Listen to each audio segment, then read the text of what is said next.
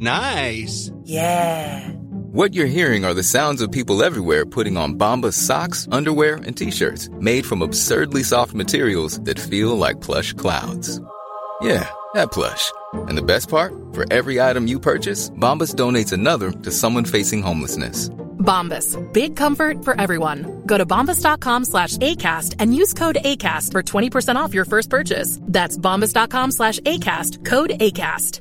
I'm Sandra, and I'm just the professional your small business was looking for. But you didn't hire me because you didn't use LinkedIn jobs. LinkedIn has professionals you can't find anywhere else, including those who aren't actively looking for a new job but might be open to the perfect role, like me.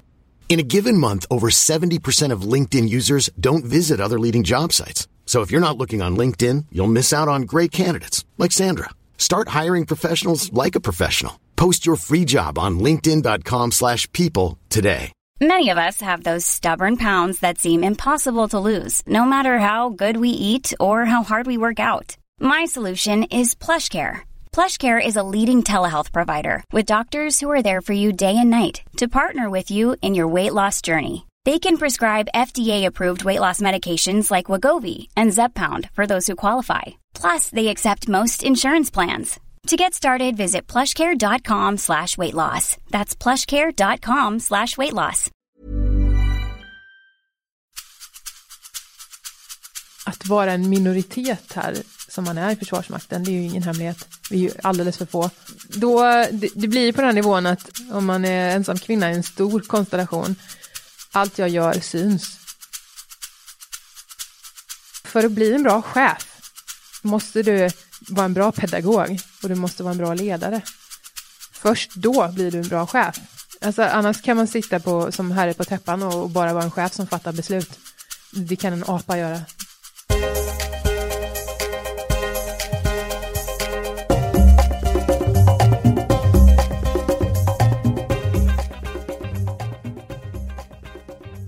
Hej och välkommen till Karriärpodden. Det är jag som är Eva Ekedal och i Karriärpodden får jag träffa och intervjua framgångsrika kvinnliga ledare.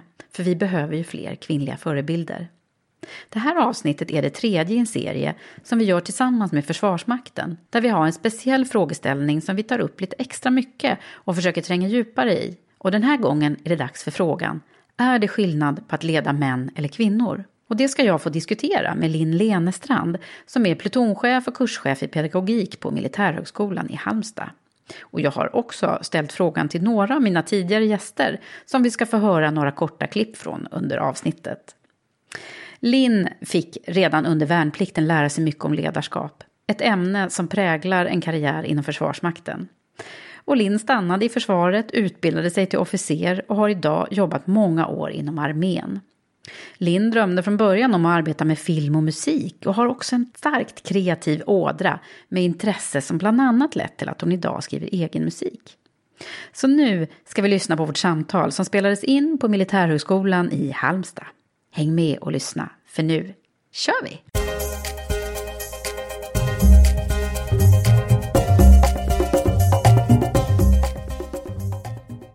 Linn Lenestrand, välkommen till Karriärpodden. Tack så mycket. Eller rättare sagt, det är jag som är typ hos dig Ja, i man kunna. Halmstad. Ja. Jag är på turné faktiskt idag, ja, på Militärhögskolan. ja, Det är så det heter här. precis. Militärhögskolan Halmstad. Halmstad. Mm. Och då har jag fått äran att få träffa dig och lära känna dig. Eh, och jag har läst mig till här nu att du är plutonchef och kurschef för pedagogiska delen här. Ja, det stämmer. Så det ska ju bli urspännande att höra vad det innebär egentligen. Men jag tänkte bara börja med att höra liksom hur, hur hamnar du här då? Just här i Halmstad? Eller? Ja, liksom, ska vi kanske börja med hur det blev det militära livet? Ja, eh, det var ju någonting jag absolut, absolut inte skulle göra. Eh, jag är uppvuxen i en militär stad. Där fanns eh, två regementen när jag var liten. Och vilken är det då? Det är Eksjö. Som ligger i Småland. Mm. Eh, och min farfar var officer. Eh, farmor jobbade i krigsmakten, som det hette då. Eh, pappa och jobbade inom försvaret också. Och jag hade inga intentioner på att gå in på den här banan. Jag, var, jag har en lite mer estetisk sida som jag anammade mer då. musik och teater, sådana saker. Mm. Och mycket idrott var det också. Så att om man ska säga kortfattat så antog jag ett vad och råkade mönstra och råkade skriva på papperna och blev precis lika pliktskyldig som alla andra män var. Men, är det sant? Ja. Så det var, det var verkligen en slump? Japp, det var det. Vad roligt det är det här att höra allas olika karriärvägar. För det är ju så att det är väldigt få som är så här tydliga karriärplanerande. Utan eh, ja. det blir lite som det blir. Ja. Ja. Men vad, vad slog ni vad om? jag, jag var väl lite less på det jag höll på med då. Eller jag, jag, jag, rättare sagt, jag tror inte jag visste riktigt vad jag ville göra.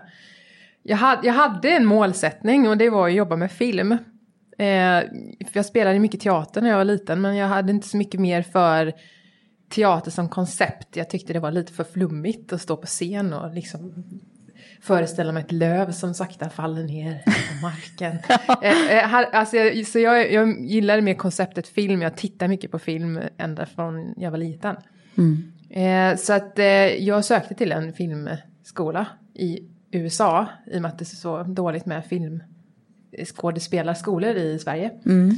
Eh, och kom in där. Men eh, det var ett tag innan jag skulle börja där. Så att jag, jag var i Berlin tillsammans med en kompis. Eh, och eh, hade tråkigt efter ett tag. Spelade teater på tyska. Det var jättekonstigt. Och spela, ja, det var... Jag, ja, på jag, tyska också? ja, på tyska.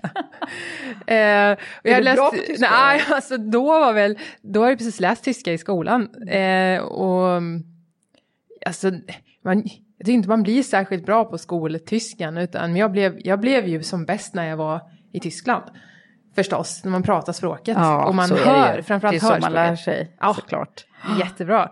Så jag, jag tänkte, det är väl bara att pröva liksom. Men det gick inte Nej, det var, det var inte alls så roligt. Nej. Eh, jobbade lite vid sidan av, så strö, ströjobb liksom och då var man ju 19-20 år där och då kunde man ju göra sådana Så det här saker. var efter gymnasiet då eller? Precis efter. Mm. Eh, och eh, alltså, det, var, det, var, det, var, det blev bara mer och mer saker som gjorde att jag störde mig på, på att jag liksom inte hade någon riktig organiserad framtid så att säga. Jag är uppvuxen bland organiserade människor det, så att säga. Jag var ja. väldigt bra på att bädda sängen när jag var liten. Ah.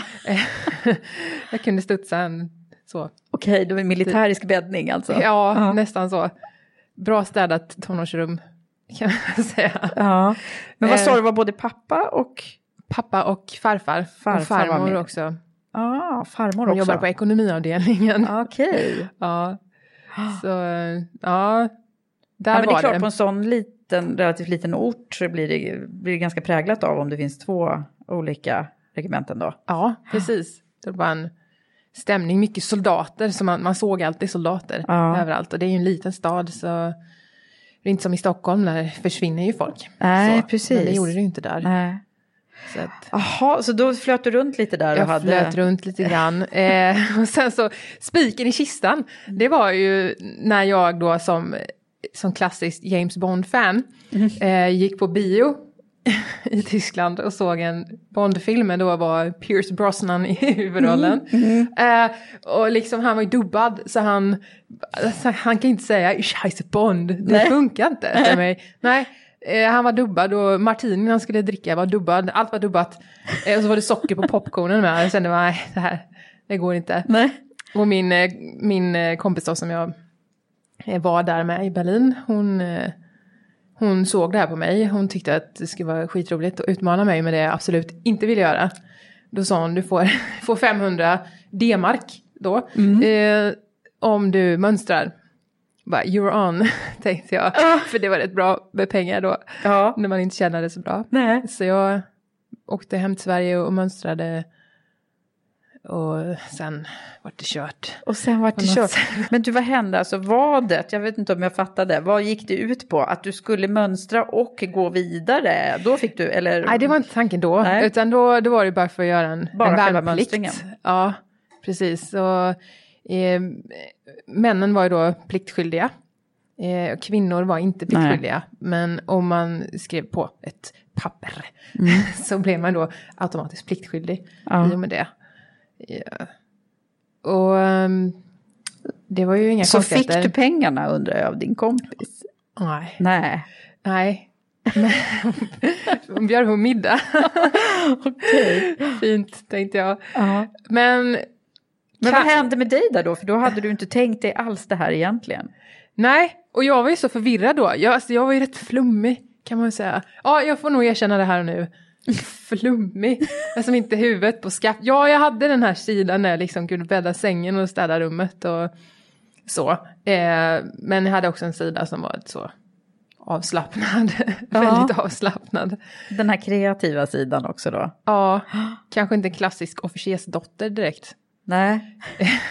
Samtidigt min pappa, han är trummis också, så han, han, han har en estetisk sida han också. Så Men man måste ju kunna ha liksom andra sidor och intressen och så även fast Ja. man eh, jobbar inom det militära. ja, det trodde jag länge att man inte kunde ha. Nej, det Utan- kanske är också en bild man har eh, sådär generellt sett. Att ha när man har uniform och är innanför de här väggarna att det skulle vara annorlunda liksom. Ja, eh, som att man ska vara en fyrkantig stropp. Ja. Så. ja. Eh, Ja, men som vi håller på att slå hål på le. ett antal myter känns det som i, i Karriärpodden när, vi, när jag träffar er som Ja. jobbar inom det militära. Jag har själv fått jobba lite med att det, man liksom vill sträcka på sig och sådär när man möter någon i uniform. Och det, det är lite det är liksom manande på något sätt. Ja, absolut, eh, man lär sig växla.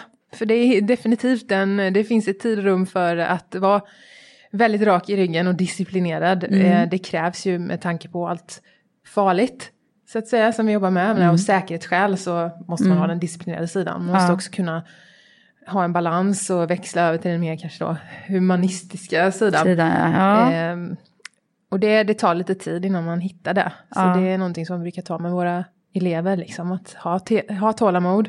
Mm. Eh, för det kommer. Det kommer inte med en examen. Så. Nej, precis. Och det är kanske inte är något man liksom lär sig det första man gör, utan man behöver Nej. känna in det där också. Ja. Men du, vad, hur gammal var du när du mönstrade och började då din värnplikt? Då var jag 19 eller 20. Jag kommer inte ihåg. Ja, kommer inte ihåg var ganska ung ändå. Någonstans du hade där. inte hunnit göra jättemycket prylar innan. Ändå. Nej, Nej. 20 tror jag att jag var. Ja, Mm. där någonstans. Nej. Men den här filmskolan då? ja. Hade du hunnit? Ja men alltså, eh, ja men i och med min, min flummighet där då, så, så eh, jag bokar resa och allting så, flygbiljett och alla mina, alla mina sparpengar som jag hade hårt förtjänat in under sommarjobb under gymnasietiden, det liksom hade gått till flygbiljett. Eh, och jag hade liksom inte tänkt på att jag hade skrivit på papperna för att mönstra. Eller fel, nu mönstrade jag gjort för att göra värnplikt då. Nej. Så jag var ju på väg till USA. När jag liksom några dagar innan bara, jaha just det, just det, idiot. Så jag till mig själv. Och kom på det att nej, jag ska inte alls åka dit, jag ska, jag ska göra värnplikt, jag ska rycka in. Här nu. Och du sa det till dig själv att det, det är det jag ska göra? Ja, alltså Ja. det fanns ju inget, det, var, det, är ju, det är lag så att Just säga. det. Det. det var ju ingenting att göra då. Nej, för då det hade var, du skrivit ja, på. visst, jag är ju, det är ju bara att rycka in. Som alla andra män som var tvungna att rycka in då. Aha, så, det var det som hände då? Alltså. Ja, så den skolan fick jag ju lägga på vänt kan man säga. ja. Helt klart. Hur var det då, när du väl kom in i värnplikten då? Ehm, jag är ganska, jag har ganska mycket kännedom om Försvarsmakten och eh, värnplikt i och med va, familjemedlemmar och så vidare. eh, och det, det var nog bra för mig för att det blir ju en ganska, det, är en, det blir ju en chock när man kommer in i den miljön. Eh, jag brukar säga så här, när man är ung så klarar man liksom allting. Anpassa sig gör man ju mycket lättare då. Jag brukar säga om, om jag skulle gjort värnplikt idag. Eh, nej, det skulle jag inte gjort. Nej. Jag tror inte jag hade klarat det heller på samma sätt.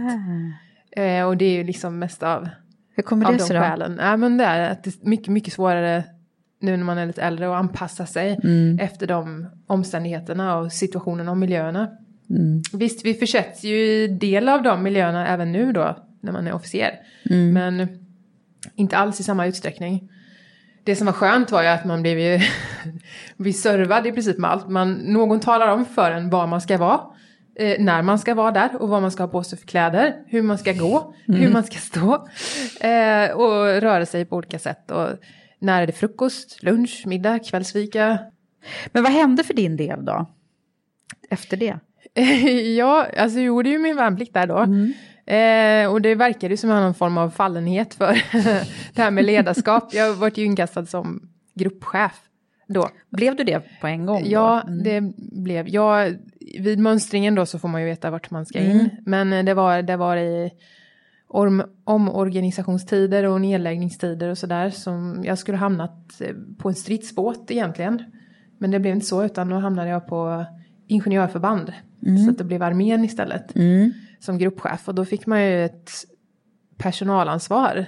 Fast det, det är ju inte personalansvar som en anställd person Nej, har men förstås. Men att mm. man har ett ansvar över tio man. Och det är ju som 20-åring en eh, ganska speciell och unik situation att hamna i. Ja. Man lär sig tidigt eh, ledarskap rent praktiskt. Verkligen. Ja, och det, det är framgången med, alltså det, det är där Försvarsmakten eh, får in Alltså det, det, absolut bästa med ledarskapsutbildning i Försvarsmakten är att vi får pröva den. Mm. Det är mm. inte bara teorier. Nej, det utan går att liksom vi faktiskt inte... prövar i ett väldigt tidigt skede. Ja, det är inget man liksom läser sig till utan man får direkt pröva. Det är ju superbra ju. Ja. Eh, och massa fallgropar man kan hamna i kan jag tänka mig. Ja, det kan man säga. för dig då? Jo men eh, det, det gick bra. Bra uppenbarligen eftersom du är pedagogiskt ansvarig här nu på Ja, jag hade, jag hade väldigt, eh, väldigt bra plutonsbefäl. Eh, nu i efterhand får man väl säga att de var brutala och väldigt grymma och hårda, för det var de. Men eh, eh, de var det på ett bra sätt. Alltså min, jag blev väldigt, väldigt bra grundutbildad. Och där, jag tror att där och då lades hela min, alltså grunden till min karriär mm. i Försvarsmakten. Och det har, jag, jag tror att jag har att tacka min plutonchef för det, som ah. jag hade då. Mm. Eh, ja, han var hård mm. då, men eh, hård men rättvis. rättvis.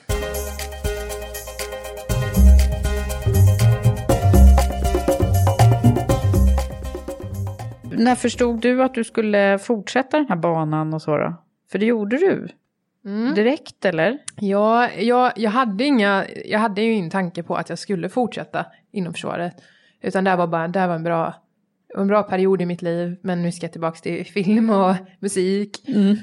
Men äh, min betonchef pekade på mig med hela handen och sa du ska bli officer.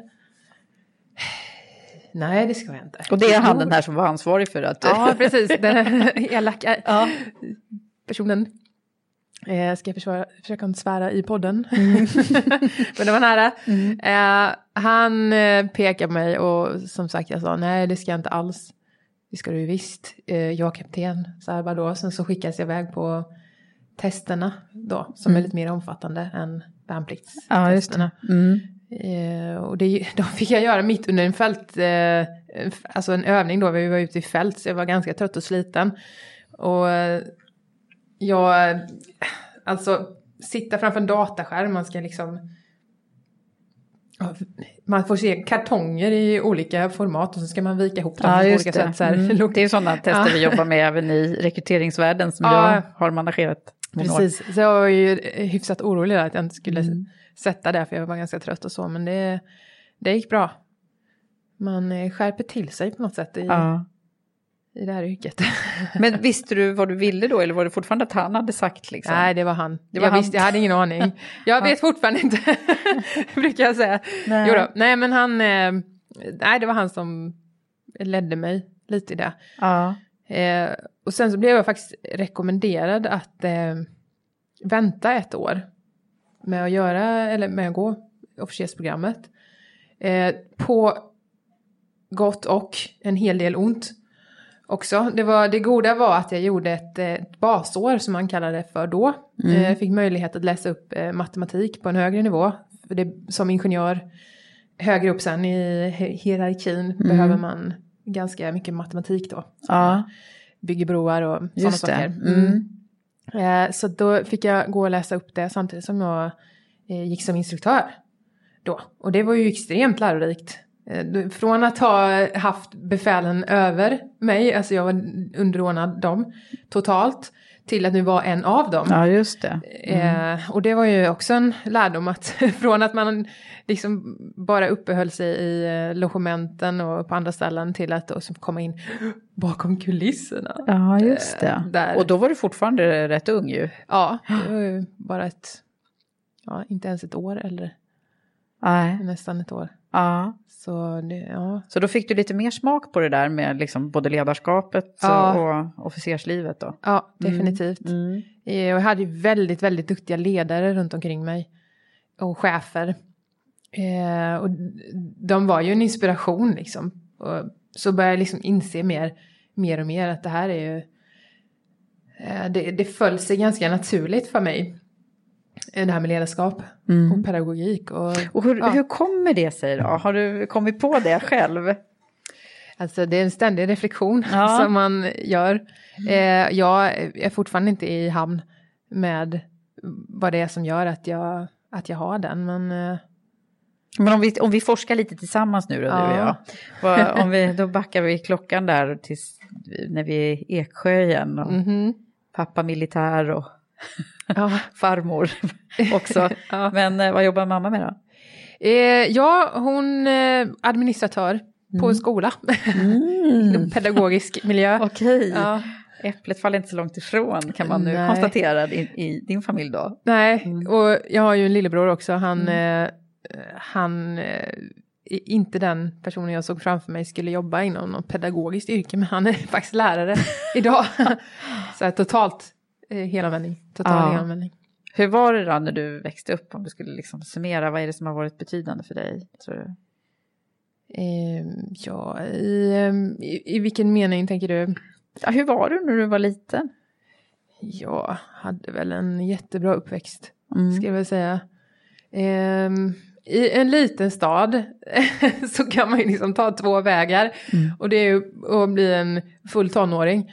Eh, som dricker alldeles för mycket sån alkoläsk. Mm. Som var och stå och hänga vid korvkiosken. Ja, och precis. Mm. Och eh, röka och göra alla sådana saker som alla andra gör. Mm. Så grupptrycksgrej. Eller så tar man den här idrottsliga banan. Eh, och det gjorde jag. Eh, och det var jätteroligt. Mm, vad höll du på med då? Eh, jag började med fotboll. Och sen kom handboll in på det och innebandy. Mm. Så det var väldigt mycket lagidrott. Mm. För mig. Eh, och nu när jag säger det högt så redan där så kom ju gruppdynamik in mm. ganska ordentligt. Och, var du lagkapten också eller? I, i, no, I, något lag uh -huh. var jag det. Mm. Eh, och det... Ja, gruppdynamik inom idrott det påminner ju en hel del om gruppdynamiken som vi har inom våra gruppkonstellationer i Försvarsmakten. Ja. Så att det, det, det hand i hand och mycket fysisk ja. aktivitet också. Så. Men det här mm. med film och den här kreativa ådran då? Och, ja. och, och sång är det också eller? Ja. vad, vad liksom, eh, hur, hur, tog det sig utlopp då? Uppträdde du och sådär? Mm. Mm. Det gjorde jag. Jag eh, började med att spela gitarr när man fick gå kommunal musikskola. Och det fick man ju inte börja förrän man var tio år, mm. någonstans där. Eh, och det gjorde jag. Kom med min akustiska gitarr till musikläraren. Och sen var det ju bara att spela Lilla Snigel på E och B-strängen och det var så tråkigt. Mm. Eh, nej, jag lägger nog ner det här. Så gjorde jag det. Eh, sen så kom det bara automatiskt att jag plockade upp eh, instrument och började bara spela och själv lärde mig. Så att jag hade, jag hade nog den i mig också. Mm. Liksom musikbiten. Jag, jag, jag har bra gehör, jag är inte bra på noter. För att jag har ju aldrig skolat mig i musik. Men jag läste någonstans Så. att du, du skriver musik också. Ja, det gör jag. För att alltså, jag, jag löser ut ackord och sådana saker, men jag är ju självlärd då. Men att läsa svåra notsystem, det kan jag inte göra. Jag kan inte sätta mig i en symfoniorkester, nej, då är jag helt körd. Men vad skriver du för typ av musik då? Eh, det är på singer-songwriter-nivå kan mm. man väl säga, mm. eller typ av. Eh, men nu senast så alltså, jag har jobbat med eh, musik som går åt eh, filmmusikhållet. Mm. Faktiskt, som är väldigt... Eh, Vad häftigt. Inspirerad av filmmusik. Du har det här intresset fortfarande, är det så? Oh ja, jag Och liksom varit... jobbar med det lite på sidan? Eller? Ja, jag håller på att spela in just nu så att jag, Ah. jag jobbar in med en eh, producent i en studio i Vad Göteborg. häftigt. Det är faktiskt Ja. dubbla karriärer i Karriärpodden idag. ja, det kan man säga. Det kan man säga. Jag kör parallellkör så mycket jag Ja. kan. Ja. Men det är, eh, den sidan, musik och film och så, är alltså vital för min överlevnad, höll jag på att säga. Så Mm. allvarligt är det ju inte, men eh, det Vad är det du militära... får i dig där, tror du då? Som du behöver? Alltså, jag brukar säga att, det är, att musikbiten framförallt är väldigt terapeutisk. Mm. Eh, har man haft en stressig dag på jobbet eller det, det är mycket att tänka på. Eh, så är det skönt att bara sätta sig bakom pianot eller gitarren. Mm. Och bara plinka lite och köra lite för att man går helt in i det. Sen Mm. så... Eh, vissa människor vet jag och om jag talar för mig själv då. Är ju, jag är ju extremt... Eh, alltså att bara lyssna på musik betyder väldigt mycket för mig Mm. på olika sätt. Så är jag nedstämd så vet jag vilken typ av musik jag ska lyssna på. Och vill jag ha uppåt så att säga. eh, då vet Man jag kan vilken musik jag ska sin lyssna på. sinnesstämning ganska mycket Ja. genom musik. Och eh, Absolut. rytm och jag, jag har dansat en hel del också. Och det, det har ju helt med rytm att göra. Jag har inte varit så intresserad av skola mig. Alltså dans, balletthögskola eller danshögskola något slag. Inte musik eller filmhögskola heller på det Nej. viset. Utan det är bara att det är sånt stort intresse. Jag tror att de största inom de här eh, genrerna, branscherna är de som har passionen för, Mm. för det. Som passion för musik och film och sådär. Men vad, vad drömde du om att du skulle bli då när du var liten? Ehm, den där frågan, jag kommer inte ihåg. Nej. Jag hade ingen sån direkt, inte när jag var väldigt liten, men sen kanske man kom upp på vad ska jag säga, mellanstadienivå när man började få en hjärna, höll jag på att säga. liksom, det var lite mer, man förstod saker lite bättre. Då kom ju film och musik tidigt och jag ville ju jobba med alltså professionell musiker Mm. eller jobba med film då på professionell nivå. Men då förstod man inte omfattningen och alltså hur mycket det skulle krävas för att komma dit. Eh, att man kan vara hur skillad som helst inom eh, film till exempel. Du kan vara utbildad skådespelare och kan vara jätteduktig men du får aldrig chansen. Nej, precis. Det Eh, där är ju det är många- så få som, som Ja. liksom blir sedda. Det är många som går där ute är fantastiskt duktiga. Men om Så- man skulle fråga någon av dina lärare från, eh, från eh, grundskolan, Mm. om de hade gissat att du skulle sitta här nu, tror du det är många som skulle ha trott det? Eh, nej, inte då. Tror jag inte. Utan då var, då var det... det Nej, var en, hon kommer vara i Hollywood eller något, hade de sagt då, eller? kanske inte Hollywood.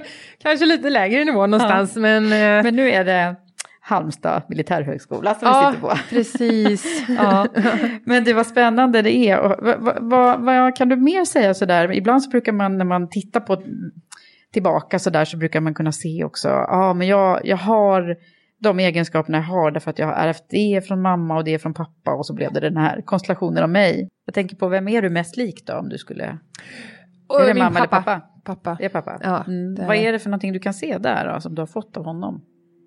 Oh, eh, jag, är, jag, alltså jag är väldigt lik honom. Så att, eh,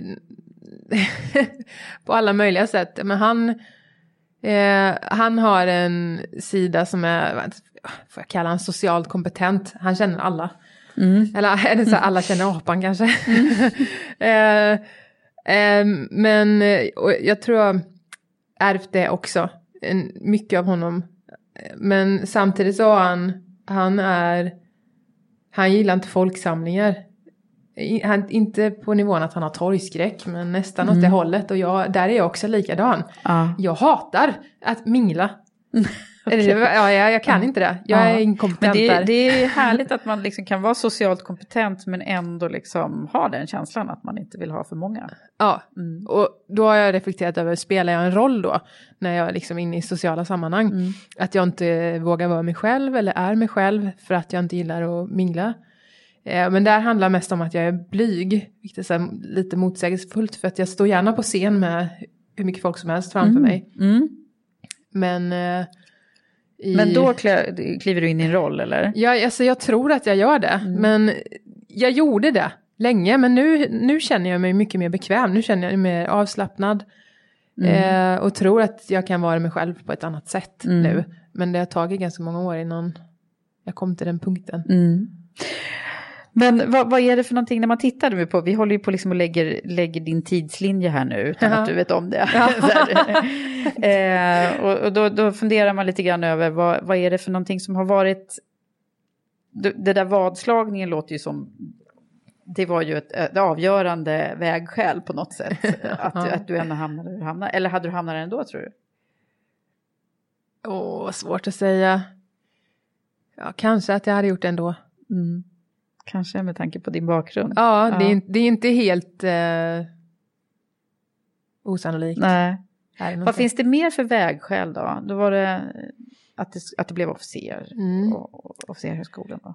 Ja, jag hamnade ju, jag blev i princip intvingad i ett vägskäl. I och med att det var, det är den här biten som var av ondo, som jag nämnde innan då, på gott och ont. Eh, och det var att jag läste yrkesofficersprogrammet eh, så, ja, det var mitt i försvarsbeslut 04. Där ganska stor nedläggning då på förbanden. Eh, och det innebär att man kan inte, om man eh, säger upp folk så kan man ju inte eh, anställa nya Nej, förstås. just det. Enligt lagar och regler. Eh, så så att eh, vi var väl den första då yrkesofficerskullen som inte skulle bli anställda efter. Du, du visste att det kanske inte blev ett jobb efter? Nej, vi visste det, vi Ni fick visste veta det ja. under. Och det var ju, eh, det var ju vi, vi var en ganska stor kull då. Vi hade elever, kadetter i både Halmstad, Stockholm och Östersund. Och det var ju förstås väldigt svårt att hitta motivationen då för att man läste ju ett, ett eh, program som var väldigt nischat, alltså mot det militära. Väldigt mycket som man har nytta av i det civila också förstås. Jättebra utbildning. Och det var ju det som gjorde att man höll sig kvar för att man visste hur bra den här utbildningen var. Men att veta att nu, nu går jag den här utbildningen och jag gör massa konstiga övningar, eh, överlevnader och i tuff vintermiljö och sådana saker och så kommer jag inte få jobba. Nej, vad tänkte du då? då? Nej, nej men det var ju, man var ju nedstämd och less och väldigt irriterad och förbannad. Så att en eloge till eh, lärare och instruktörer och befäl som man hade då som gjorde sitt verkligen yttersta för att man skulle hålla humöret uppe och köra på. Och de, ja, de ansträngde sig, det märktes. För att liksom, Mm. ja, Vad Så- hände sen då? då när du... Eh, det man gjorde som liksom genererade någonting det var att man gjorde ett speciellt avtal för oss då där vi som eh, yrkesofficerare fick en möjlighet att jobba som reservofficerare. Ja. Och det är ett annat typ av avtal då så att i, i mån av plats där man behövde instruktörsstöd fick man hoppa in och jobba men det blev ju som kortare perioder. Ah, ja. Eh, och i och med det så fick man ju hoppa runt på olika förband i landet så att eh, Så det gjorde du då? Ja, så att jag har ju veckopendlat i princip hela mitt vuxna liv då. Ja. Och jobba som instruktör? Jag jobbar som instruktör och senare då så kommer man ju på i olika chefsroller då. Ja. Låg och mellanchefer. Just det. Så. Så att det första chefsuppdraget, när var det och hur såg det ut? Ja, alltså det, eh, det är chef på olika sätt då. Det är om man är anställd så har man ju, eh, då, kom, då kommer ju chefsansvaret lite senare. För att då har man ett, ett riktigt personalansvar eh, till exempel. Men eh, så chefs, det tidiga chefsansvaret kom ju redan som, som värnpliktig. Just då det, man hade då var du ju personal. gruppchef ja, Mm. från början. Precis, så, så att det har ju genomsyrat hela, hela utbildningen och Mm. karriären. Så att säga, men på olika nivåer då. Mm. Och om man skulle titta på den rollen som du har idag då, det här det pedagogiska ansvaret. Ja. För det har du ju haft i några år nu. Ja. Hur många år är det? Fem, sex år eller? Ja, här, här på skolan har jag Ja. varit tre år. Så. Men eh, som har jobbat med pedagogik och ledarskap innan då Ja. förstås. På andra förband som man har varit. Just det, vad, vad innebär det då? Pedagogikbiten. Ja, alltså att man är pedagogiskt ansvarig. Ja, den eh, alltså, vad ska jag säga, formella benämningen Mm. är ju då kurschef pedagogik. Eh, och vi har ju, eh, just nu är vi väl, vi är tre, tre stycken som roterar runt på kurschefskap för pedagogik. Och sen har vi en huvudlärare i pedagogik och så ser det ut på alla ämnen som vi har på skolan. Där det finns en huvudlärare och sen har kurschefer under det mm. och så lärare också. Eh, och det var jag hade, hade modiga chefer, jag hade modiga chefer då som kastade in mig i det här som såg att eh, okej okay, hon kan nog eh, lösa ut det här ganska bra med pedagogiken. Mm. Och jag hade ingen som en särskild utbildning för att vara kurschef i pedagogik utan där Tyckte där du gjorde... det var, hade du liksom på något sätt signalerat att du tyckte det var extra roligt eller? Nej, inte så. så. Mm. Utan det är väl kanske att man såg på mig att eh, okej, okay, hon trivs rätt bra där för resultaten blir bra och så vidare. Ja. Och då, ja, som sagt, jag har väldigt, väldigt bra chefer som, som tror på en då mm. och kastar in en i saker som är utmanande och nya. Och det är Precis, jag tänker så här, är det så att eh, det har behövts fler kvinnor i de här instruktörsrollerna, är det det som också har varit privilegierande för dig? Eh, jag säger inte att det beror på det, men kan det vara så, tänker jag, att, att, eh, att man har velat haft kvinnor i instruktörs... Det är ingenting som jag har tänkt på, Nej. eller som är uttalat att man vill ha, utan det är väldigt, eh, vad ska jag säga, könsneutralt. ja, men ja. det är mer individen, liksom, ja. man tittar på här, rätt, rätt person på rätt plats. Och, ja, just det. Mm. och det är bra tycker jag. Det är ju jättebra, ja. verkligen. Men eh, vad är det som har varit andra saker som har betytt mycket för dig i din karriär så här långt då? Um, alltså, ja, visst det är ju de stora sakerna då när man har tagit en examen eller man har klarat av en kurs eller en vidareutbildning, kompetensutveckling av något slag, förstås. Men samtidigt är de där små, de väldigt små sakerna som mm. en klapp på axeln från en instruktör eller en chef. Eh, som verkligen har uppmärksammat någonting man har gjort, man har slitit mm. ordentligt för att få till någonting. Mm. Då, det, det är de stunderna som gör att man, då vill man fortsätta. Det är så värdefullt. Ja. ja. Vi pratar ganska mycket om det här i podden faktiskt, om att tidigt Mom deserves the best, and there's no better place to shop for Mother's Day than Whole Foods Market. They're your destination for unbeatable savings, from premium gifts to show-stopping flowers and irresistible desserts. Start by saving 33% with Prime on all body care and candles. Then get a 15-stem bunch of tulips for just $9.99 each with Prime. Round out Mom's menu with festive rosé, irresistible berry chantilly cake, and more special treats. Come celebrate Mother's Day at Whole Foods Market. Ready to pop the question? The jewelers at BlueNile.com have got sparkle down to a science with beautiful lab-grown diamonds worthy of your most brilliant moments. Their lab-grown diamonds are independently graded and guaranteed identical to natural diamonds, and they're ready to ship to your door. Go to BlueNile.com and use promo code LISTEN to get $50 off your purchase of $500 or more. That's code LISTEN at BlueNile.com for $50 off. BlueNile.com code LISTEN. Hi, I'm Daniel, founder of Pretty Litter. Cats and cat owners deserve better than any old fashioned litter. That's why I teamed up with scientists and veterinarians to create Pretty Litter. Its innovative crystal formula has superior odor control and weighs up to 80% less than clay litter. Pretty Litter even monitors health by changing colors to help detect early signs of potential illness. It's the world's smartest kitty litter. Go to prettylitter.com and use code ACAST for 20% off your first order and a free cat toy. Terms and conditions apply. See site for details. Many of us have those stubborn pounds that seem impossible to lose, no matter how good we eat or how hard we work out. My solution is PlushCare PlushCare is a leading telehealth provider with doctors who are there for you day and night to partner with you in your weight loss journey. They can prescribe FDA-approved weight loss medications like Wagovi and Zepbound for those who qualify. Plus, they accept most insurance plans. To get started, visit plushcare.com slash weight loss. That's plushcare.com slash weight loss. Wow! Nice! Yeah! What you're hearing are the sounds of people everywhere putting on Bombas socks, underwear, and t-shirts made from absurdly soft materials that feel like plush clouds. Yeah, that plush. And the best part? For every item you purchase, Bombas donates another to someone facing homelessness. Bombas, big comfort for everyone. Go to bombas.com slash ACAST and use code ACAST for 20% off your first purchase. That's bombas.com slash ACAST, code ACAST. Få någon som ser en och just ja. det där, den där lilla skjutsen som du eller kanske direktivet som du fick. Men, eh, nej men att, att man har någon som, som tror på en, det är ju väldigt, väldigt värdefullt för att man ska Mm. Också utvecklas själv. Ja, och alltså jag tror, jag tror att nästan alla människor har någon form av bekräftelsebehov. Mm. Men det här handlar liksom inte om att, man, att någon ska tala om för en hela tiden hur duktig man är.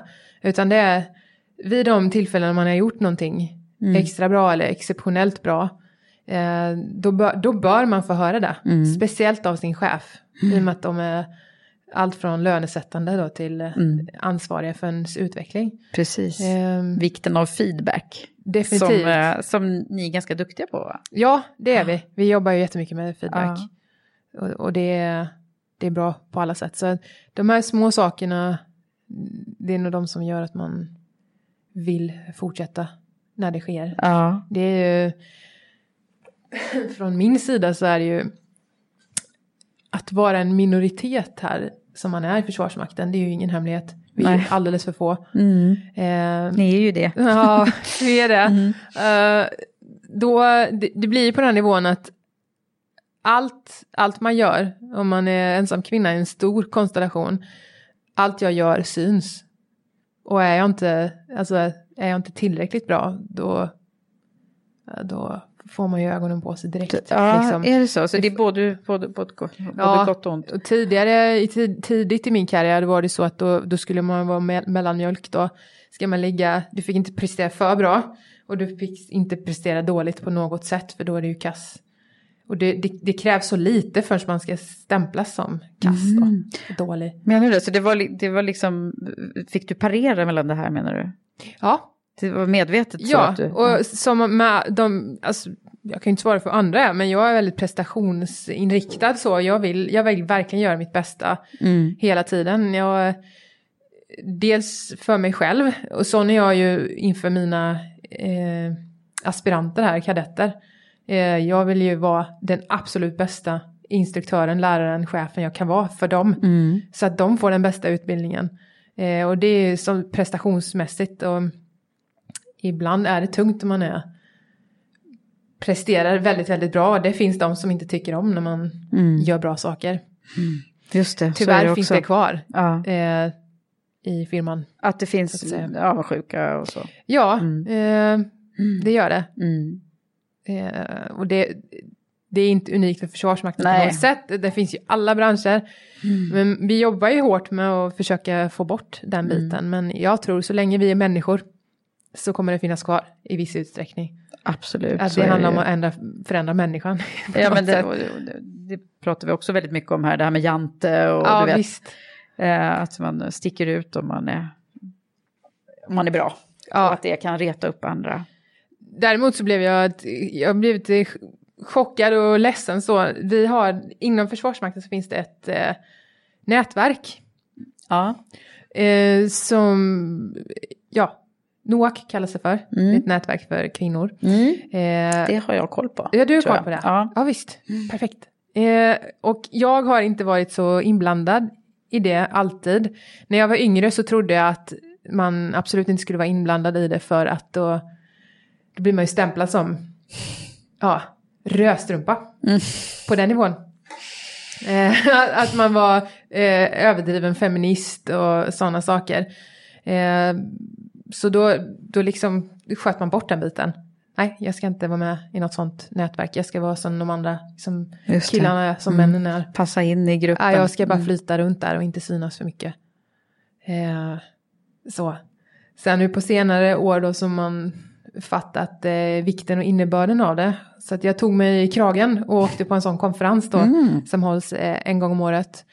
En större konferens. Och då, de sen, jag har bara varit med de senaste åren här, två åren då. Men då har, enligt de som är med, som alltid varit med, säger då att den här, det är jättemycket eh, tjejer och kvinnor som kommer till de här konferenserna nu. Eh, det har, hänt ökat någonting Nu. Ja. eh, som gör att man vågar åka på det här nu. Att det, det är inget sånt feministmöte, det handlar Nej. inte om det. Men jag tror precis som du att det kommer fler på de här eh, till ert eh, nätverk och så. Det, så är det överallt just nu. Och det märker ju vi som jobbar med Women for Leaders och, och Karriärpodden att det, mm. det bara ökar ju hela tiden. Vi måste liksom få bukt med det här. Eh, det är så självklart, mm. eller hur? Mm, absolut.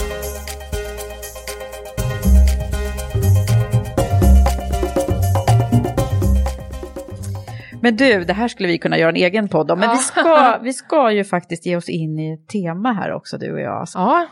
Eh, och temat är ju då, tycker jag, passar ju väldigt bra med tanke på det vi har pratat lite grann om hittills. Och jag kan tänka mig att du har väldigt, eh, du har ju erfarenhet ifrån väldigt mycket, i alla fall från väldigt mycket mansdominerade miljöer.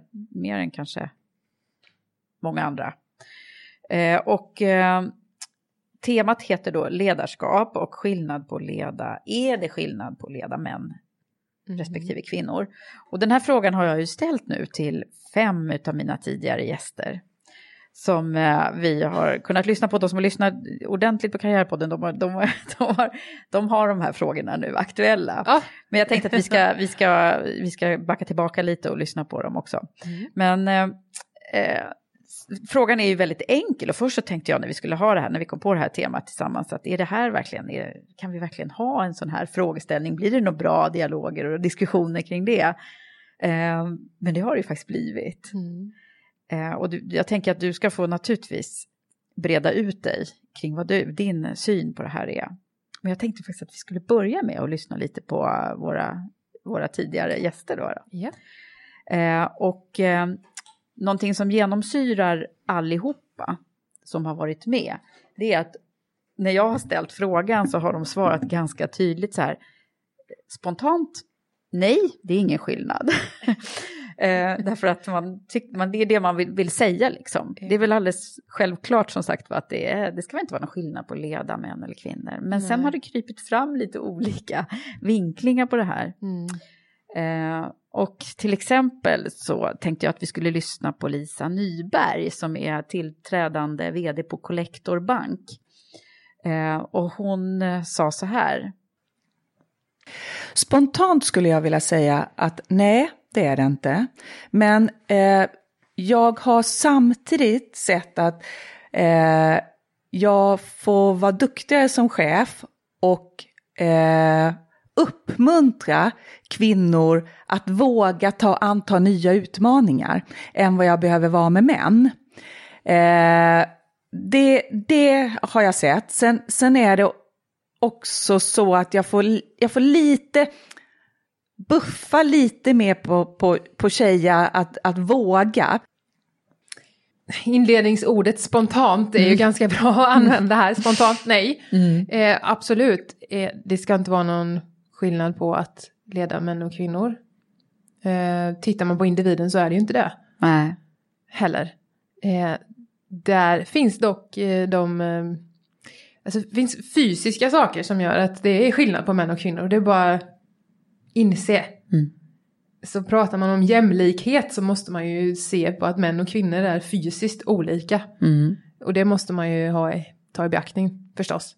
Absolut, men det eh. här med, hon var ju inne på att, att eh, vi, alltså hon tyckte att hon ofta fick jobba med att uppmuntra kvinnorna till att som sagt att våga mer och sådär. Mm. Tycker du att eh, de, de kvinnorna som du stöter på, att, att det är så här?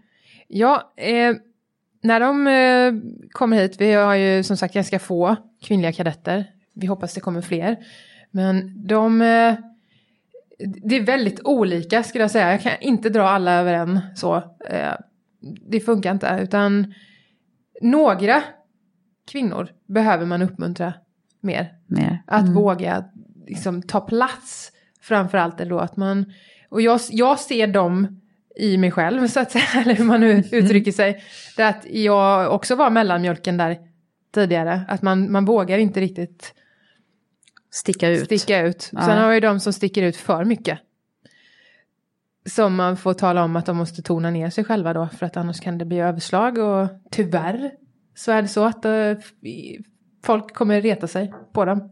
Så man får lära dem att hitta liksom, rätt nivå.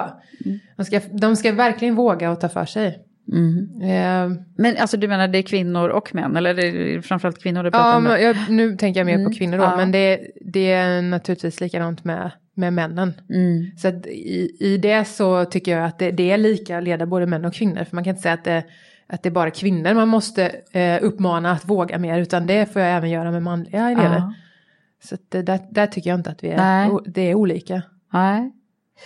Just det. Sen så tänkte jag att vi kunde lyssna lite på Ann Helenius också, som är mm. IT-direktör i Stockholms stad. Ska vi se vad hon säger. Jag tänker inte så mycket på kön eh, när, jag, när jag överhuvudtaget tänker kring människor och, och när jag inte heller i ledarskapssituationer. Men man kan ändå observera att i min generation, alltså jag är 42 nu, så upplever jag att eh, män som har gått lumpen, alltså det, och det är väldigt många gjort liksom i, i den generationen jag är i, eh, där finns det ju en större, jag ska säga kunskap eller en större inställning till hierarkier skulle jag säga. Mm. Eh, det är, har lättare att se direkt eh, ledare utifrån rang på ett sätt som man kan tycka vad man vill om. Men, ja. men det upplever jag är, att, är en skillnad. Mm. Eh, jag tror att det påverkar också hur killar har lekt jämfört med hur tjejer har lekt, liksom relationslekar mer när de var yngre. Mm. Eh, att det, det kan påverka sättet som man sen agerar på i ledarskapssituationer. Mm.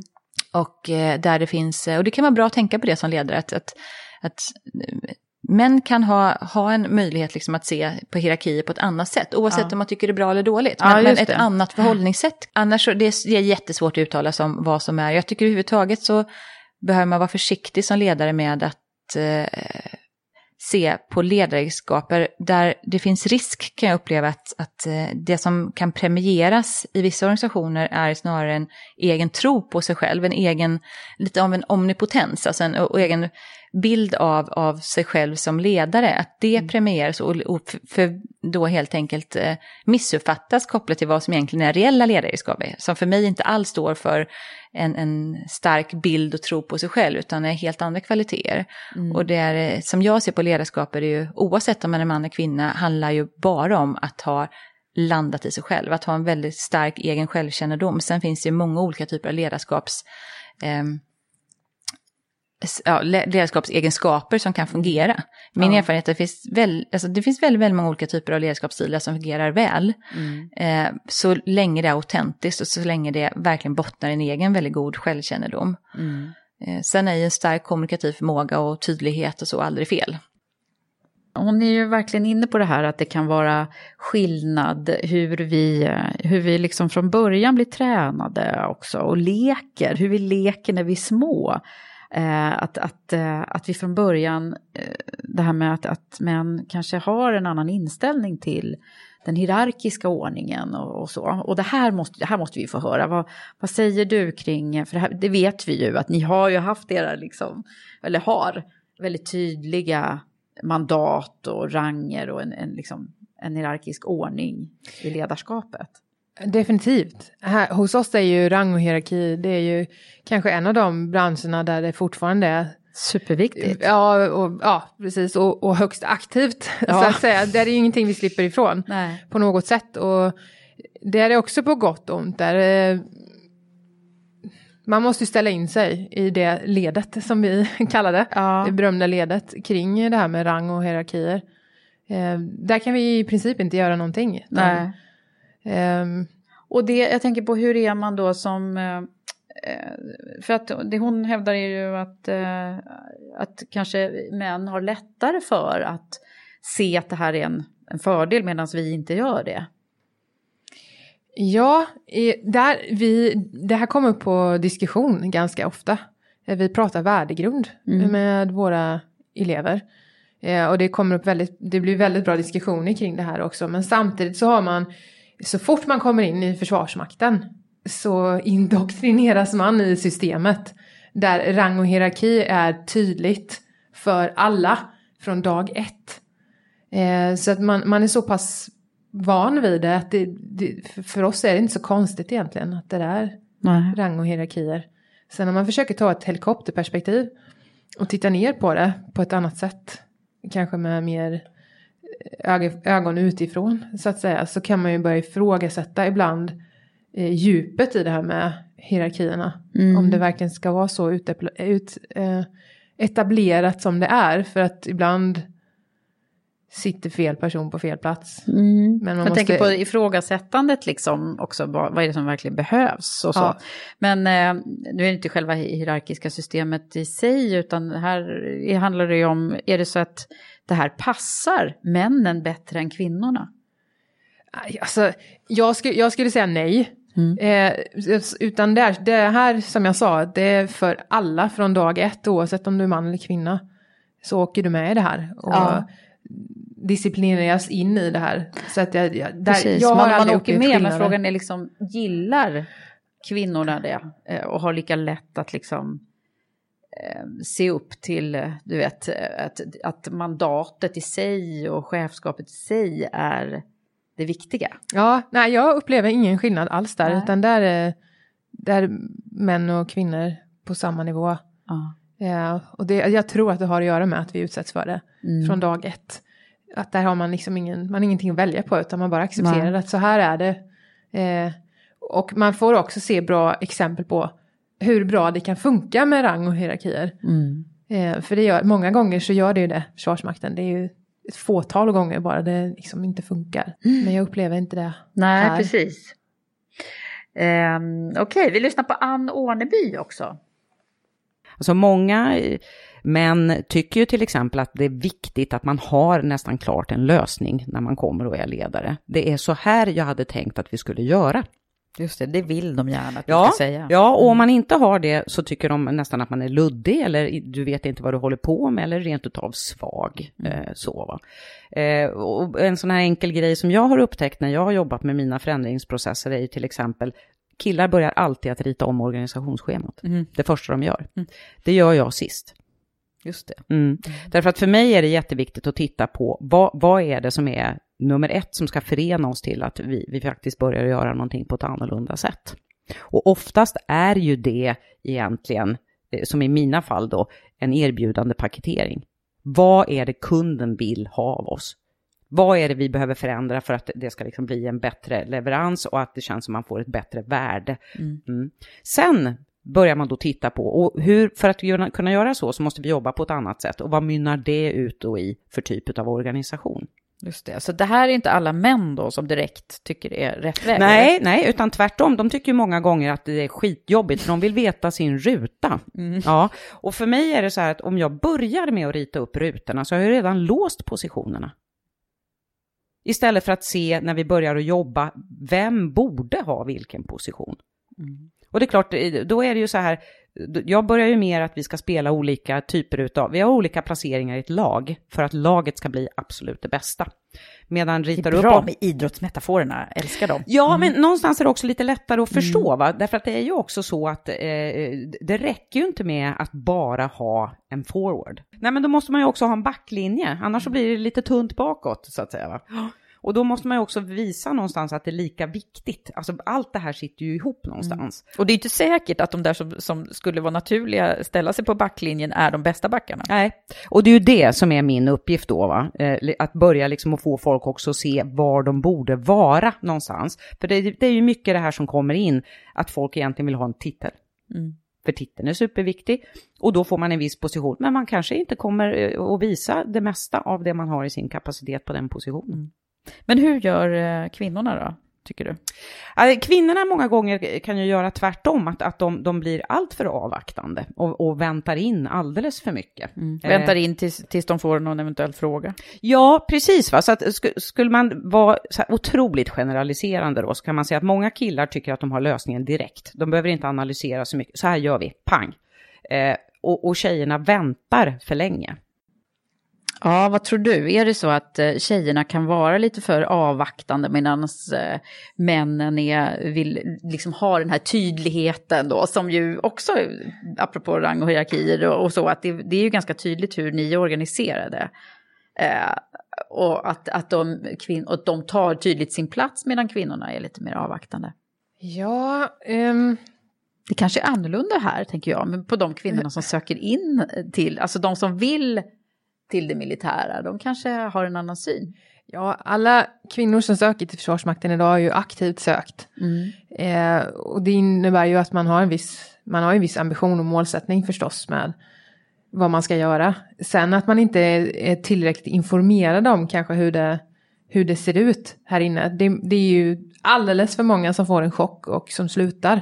Ja, är det, det är ett problem vi har som vi jobbar med. Ja. Eh, jag, jag fastnar lite för det Anne sa om eh, det här med att eh, män gärna vill ha en lösning direkt. Mm, eh, för man pratar ju, man pratar många gånger om att eh, om man säger att man köper en eh, avancerad byrå på ett företag som säljer möbler. och sen så har man en man och man har en kvinna så säger man att mannen bara börjar upprätta den här byrån, bara, som head on, bara Mm. kör. Skruvar och sen får det bli fel om det blir fel. Medan kvinnan då tar fram eh, instruktionsboken, eller den instruktionen som medföljer och börjar titta där metodiskt liksom. Det pratar man ganska mycket om, att vi skulle skilja oss där. Men jag kan, jag kan inte säga fakta att det, att det är så. För jag ser inte det hos oss här Nej. på det sättet. Inte så utstakat. Jag ser en hint av det Anne säger med att män gärna vill ha en lösning snabbt. Där våra, alltså jag själv och kvinnor runt omkring mig eh, stannar upp lite grann och funderar lite extra Mm. på hur man vill ha det. Kan det vara lite så att, eh, att eh, kvinnorna vill resonera sig fram till lösningen eh, och då därmed inte är lika snabba på det liksom? Ja, generellt sett kan jag tycka att det är så här. Eh, vi ser inte att alla är så, Nej. men eh, generellt sett, vi ser mycket, vi ser mycket tendenser till det. Eh, och det är ju väldigt intressant. Verkligen. Ja, okej. Och sen ska vi, tänkte jag att vi skulle lyssna på Monica Längbo också. Jag har ju eh, medarbetare förstås, både män och kvinnor. Eh, ingen skillnad. Jag är den ledaren jag är för alla dem. Det är skillnad däremot utifrån vilka individer de är, ska jag säga. Eh, och vilket behov de har, så definitivt. Mm. Men eh, nej, det anser jag faktiskt inte. Nej. Och det- jag skulle säga att eh, det är väl också den tron utifrån att jag eh, också eh, är med i Women for Leaders och så vidare. För det är ingen skillnad och därför är jag oerhört frustrerad över att det fortfarande ändå är så pass få kvinnor i ledande befattning och i, i företagsledningar och i styrelsesammanhang. Ja, Monica ringar ju in verkligen det här som, som vi sa, att eh, det, alla har velat säga nej, men hon står ju verkligen fast för det också. Att det är ingen skillnad och, och att det är individen som, som verkligen är, alltså att vi är så olika som individer, så det går inte att skilja det åt. Men eh, ska vi höra nu vad du har att säga? Hur tycker du, om du får frågan själv nu, är det skillnad på att leda män och kvinnor? Nej. Men, som alla andra säger, jag är eh, ganska mycket där som Monica, är att eh, det, det är ingen skillnad på att leda män och kvinnor.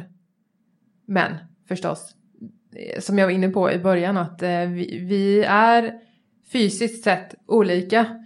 Och i vissa situationer så får man eh, leda olika för män och kvinnor. Och om jag får bara ta ett exempel då från våran bransch så att säga. Där det är ganska mycket på tapeten nu om de kvinnliga rekryterna, soldaterna alltså, ska ha en extra lång kisspaus när vi är ute i terrängen och marscherar från punkt A till B till exempel och vi har mycket utrustning på oss och så vidare och vi ska hålla tiden, vi ska passa tiden och så vidare. Det är fakta att det tar längre tid för en tjej att dra av sig allting som behövs dras av. När man har en hel mundering på ja, sig, ja. Eh, urinera, som vi säger, i terrängen. Det går snabbare för en man. Det, det är så. Ett Och det, fysisk det är ett fysiskt fakta. Så att det, där, där är olika. Och ska man då eh, ge den kvinnliga rekryten mer tid för att göra det hon behöver göra? Eller ska man sätta samma tid för henne? Låta tjejerna männen? bli snabbare helt enkelt, eller vad? Ja, visst. Mm. Ja. Vi, vi tränar på att bli så snabba som möjligt. Ja. Vad, vad, vad har ni gjort då? Har ni, har ni gett dem mer tid eller? Att det är olika. Det, hur, hur man gör där. Okej, mm. Men eh, någon, någonting som jag, som, jag, som jag alltid använder när, när det kommer till att, att eventuellt skilja på hur man leder män och kvinnor. Så att jag tar alltid en dialog med mina kvinnliga elever. Eh, avsides. Det är ingenting, eh, de manliga kollegorna vet inte ens om att jag tar den här dialogen med dem. De som hör nu vet ju att jag gör det då förstås, men det är ingen hemlighet. Precis. Oh damn. Nej men det, det är ingen hemlighet på något sätt, men jag tar, tar dem alltid åt sidan. Eh, och sen så för jag en dialog på hur, hur de vill bli ledda. Om de vill att jag ska eh, göra skillnad på dem eller Ja. inte. För att återigen, bland kvinnorna så är de ju olika individer också. Eh, och vissa kvinnor vill ha exakt samma tid för kisspaus som männen. Och vissa kvinnor vill förstås ha mer tid. Mm.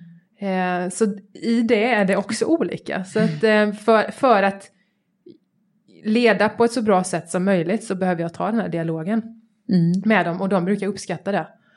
Men Så. pratar ni generellt sett mycket om det här med liksom manligt och kvinnligt eller gör ni inte det alls? Eh, vi pratar en hel del inom ledarskapet, Ja. inom ledarskapsutbildningarna då, Ja. om det här. Eh, och där är ju, det har ju kommit mycket forskning på senare tid kring det här med, är det skillnad på att leda män och kvinnor? Eh, och i princip alla forskningsrapporter jag har läst så, så är det likadant, nej, men så, att det finns alltid män Ja. kring det hela. Och jag tror att jag, alltså, det är väldigt situationsanpassat också. Det går inte att svara rakt upp och ner Nej, så. det blir, inget, det blir inget kort svar på de här. Nej, det går inte att svara kort. Nej, och det har varit ganska intressant tycker jag när jag har resonerat med de här tidigare gästerna. Att det Mm. har kunnat bli lite olika, liksom, ja, vi kommer väldigt mycket in på grupper och hur grupper fungerar och hur är det när det bara är eh, män eh, respektive kvinnor i grupper och hur man ska anpassa sig till det och sådär. Mm. Och eh, det- det är ju mer intressant tycker jag egentligen att titta på, inte på individnivå utan på liksom vad som händer när det blir en obalans så att säga. Och, eh, för det kan man ju ändå konstatera att de, de grupperna fungerar ju som allra bäst oftast när vi hittar eh, en, en jämställdhet eller att det finns olikheter i gruppen och sådär. Ja. Eh, att man har olika kompetenser och, och kapacitet på olika sätt, eller hur? Det är Ja. liksom så- också så himla självklart att det är då det är som allra bäst. Ja.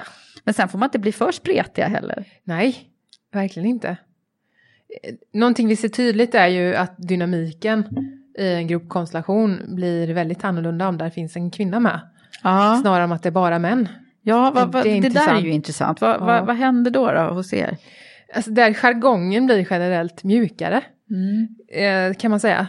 Eh, Det här liksom locker room-mentaliteten som vi pratar om en del. Ja. Den, den försvinner lite då eller? Ja, här gör den det. Sen vet jag att det finns, det finns ju kvinnor som är värre än alla sorters män. Ja. Eh, alltså i det här locker room-aktigt, eh, alltså slänga käft. Så att säga, det kan kvinnor göra precis lika bra eller ännu värre än män. Mm. Eh, och det här, jag har ju många anekdoter här Ja. som jag skulle kunna dra.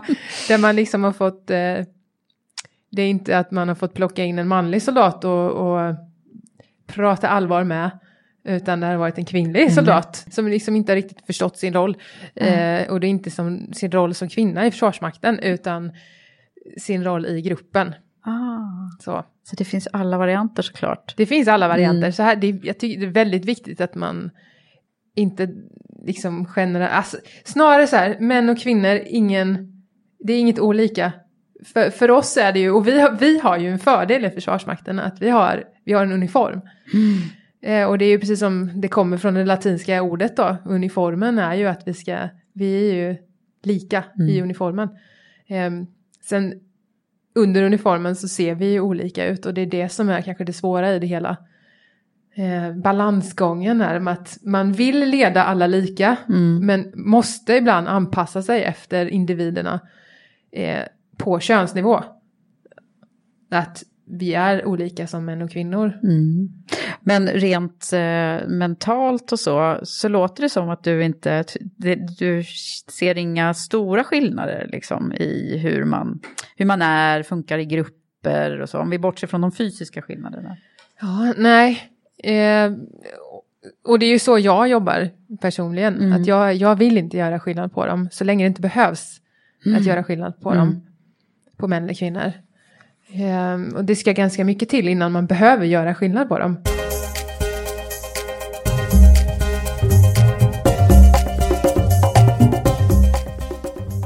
Du, vad spännande det har varit att få prata med dig, Linn. Du ska få faktiskt summera lite grann nu också. Mm. Vad är det för någonting som du skulle vilja skicka vidare till, till personer som, som, och saker som du själv har mått bra av? Jag brukar ställa frågan så, att vad hade du velat mått bra av att veta när du var typ 20? Som du vet nu. Ehm, att, alltså, ja, magkänslan är ju viktigare än man tror. Eh, man ska inte tvinga in sig själv i någonting som man kanske inte trivs med. Utan gör det man, gör det man vill göra, ska man göra. Definitivt. Jag, eh, om jag kunde gå tillbaka till mig själv när jag var 20 nu. Mm, har jag har en himla massa tips till mig själv. Ja, just det. Men en sak, den, en sak tror jag är tålamod. Och kan appliceras på väldigt många människor. Mm. Att man måste ha tålamod i, i mycket man gör. För att har man med andra människor att göra så det tar tid att, eh, att landa in rätt. För vi är olika och ska vi, gå, går vi mot samma mål fast vi är olika så kommer det krävas en hel del arbete för att vi ska hamna rätt. Så tålamod med sig själv och med andra människor. Inte hur mycket tålamod som helst. Men eh, ganska mycket tålamod Mm. får man ha. Verkligen. Så att man kan behålla lugn i allting man gör. För blir man stressad och kört. Precis, och det Ja. hade du mått bra av att höra. Att du Ja. kunde få coola ner det lite. Ja, bara slappna av och kör. Ja. Så det tog mig många, många år innan jag kom dit. Mm. Vad bra. Mm. Är det någonting mer som du vill skicka med de som har lyssnat? En sak till som jag verkligen vill skicka med. Eh, att jobba i Försvarsmakten är fantastiskt roligt. Det är ett jättespännande yrke. Den ena dagen är sällan den andra lik. Jag vill vara tydlig med att om man är kvinna och vill söka till Försvarsmakten, ett yrke inom Försvarsmakten eller om man bara vill göra eh, rekrytutbildning så att säga. Så ska man inte tro att man måste vara en man så att säga för att komma in här. Att man måste vara uppumpad med de största biceps och triceps eh, som går ha. Eller att man måste liksom bete sig som en man. Det är inte alls på det sättet utan du kan vara dig själv. Du kan vara kvinna i uniform. Eh, om jag tittar på mig själv så eh, jag tycker det är jätteroligt att spränga saker. Där ska man ha respekt för sprängtjänst. Men då tror man kanske att det jag gör hemma är att jag ligger och läser Guns and Ammo eh, på kvällen. Men det gör jag inte. Jag är pre- prenumerant på Vogue, på L Magazine och jag har varit på Fashion Week så jag skulle lika väl kunna driva en modeblogg. Så, så att man kan, man kan vara både och. Det funkar så man får inte vara rädd för att ge sig in i det här och tro att man måste vara en, vara en man utan det går alldeles utmärkt att vara en kvinna på alla möjliga sätt. Just det. Det går alldeles utmärkt Gud vad att härligt att höra. vältränad crossfit-kvinna också. Det, men det är ganska många sådana som blir intresserade. Just träning och fysisk eh, aktivitet så. Det är Absolut. många som appellerar till det militära av den anledningen. Ja, vi har ju fi- jättefina förmåner i Försvarsmakten med träningsförmåner då. Vi får ju Ja. träna på arbetstid. Ja. Eh, bör träna på arbetstid förstås i och med att yrket är så fysiskt. Eh, men det, det, poängen med det hela, eller slutklämmen får man väl säga, att det här, här finns plats för i princip alla. Man måste ha en viss fysisk standard för att klara av jobbet i och med att det är fysiskt förstås. Men om man gör testerna så vet man om man har tillräckligt bra fysisk standard eller inte. Men eh, bara för att man inte är stor och vältränad, det har varit mycket snack om det, att man inte vågar ta sig in här för att man inte är skitstark, liksom. Så ska man inte vara rädd för det, utan Man ska söka ändå. Ja, det finns otroligt många tjänster i Försvarsmakten eh, som man kan ha. Men du, var härligt att höra att det, att det är flera, att ni strävar efter att bli fler kvinnor också i, inom försvaret. Definitivt. Vi... Så, att, så att det blir ännu mer balans. Ja, precis. Balans är bra. Ja, det är bra. Mm. Men eh, annars får man får ju hemskt gärna kontakta mig om man skulle vilja ha något stöd av mig. Mm. Eh, jag hjälper gärna till. På alla sätt. Mm. Tack så jättemycket för att Tack jag har fått vara själv. här.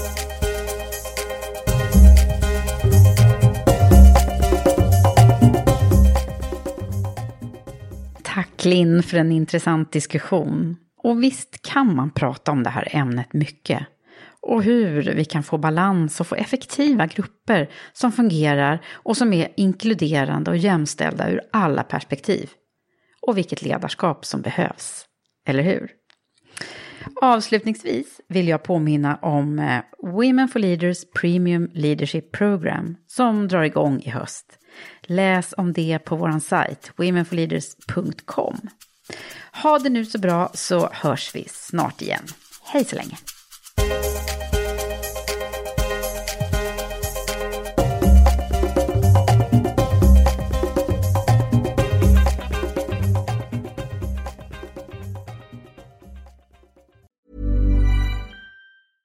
Mom deserves the best, and there's no better place to shop for Mother's Day than Whole Foods Market. They're your destination for unbeatable savings, from premium gifts to show-stopping flowers and irresistible desserts. Start by saving 33% with Prime on all body care and candles. Then get a 15-stem bunch of tulips for just $9.99 each with Prime. Round out Mom's menu with festive rosé, irresistible berry chantilly cake, and more special treats. Come celebrate Mother's Day at Whole Foods Market.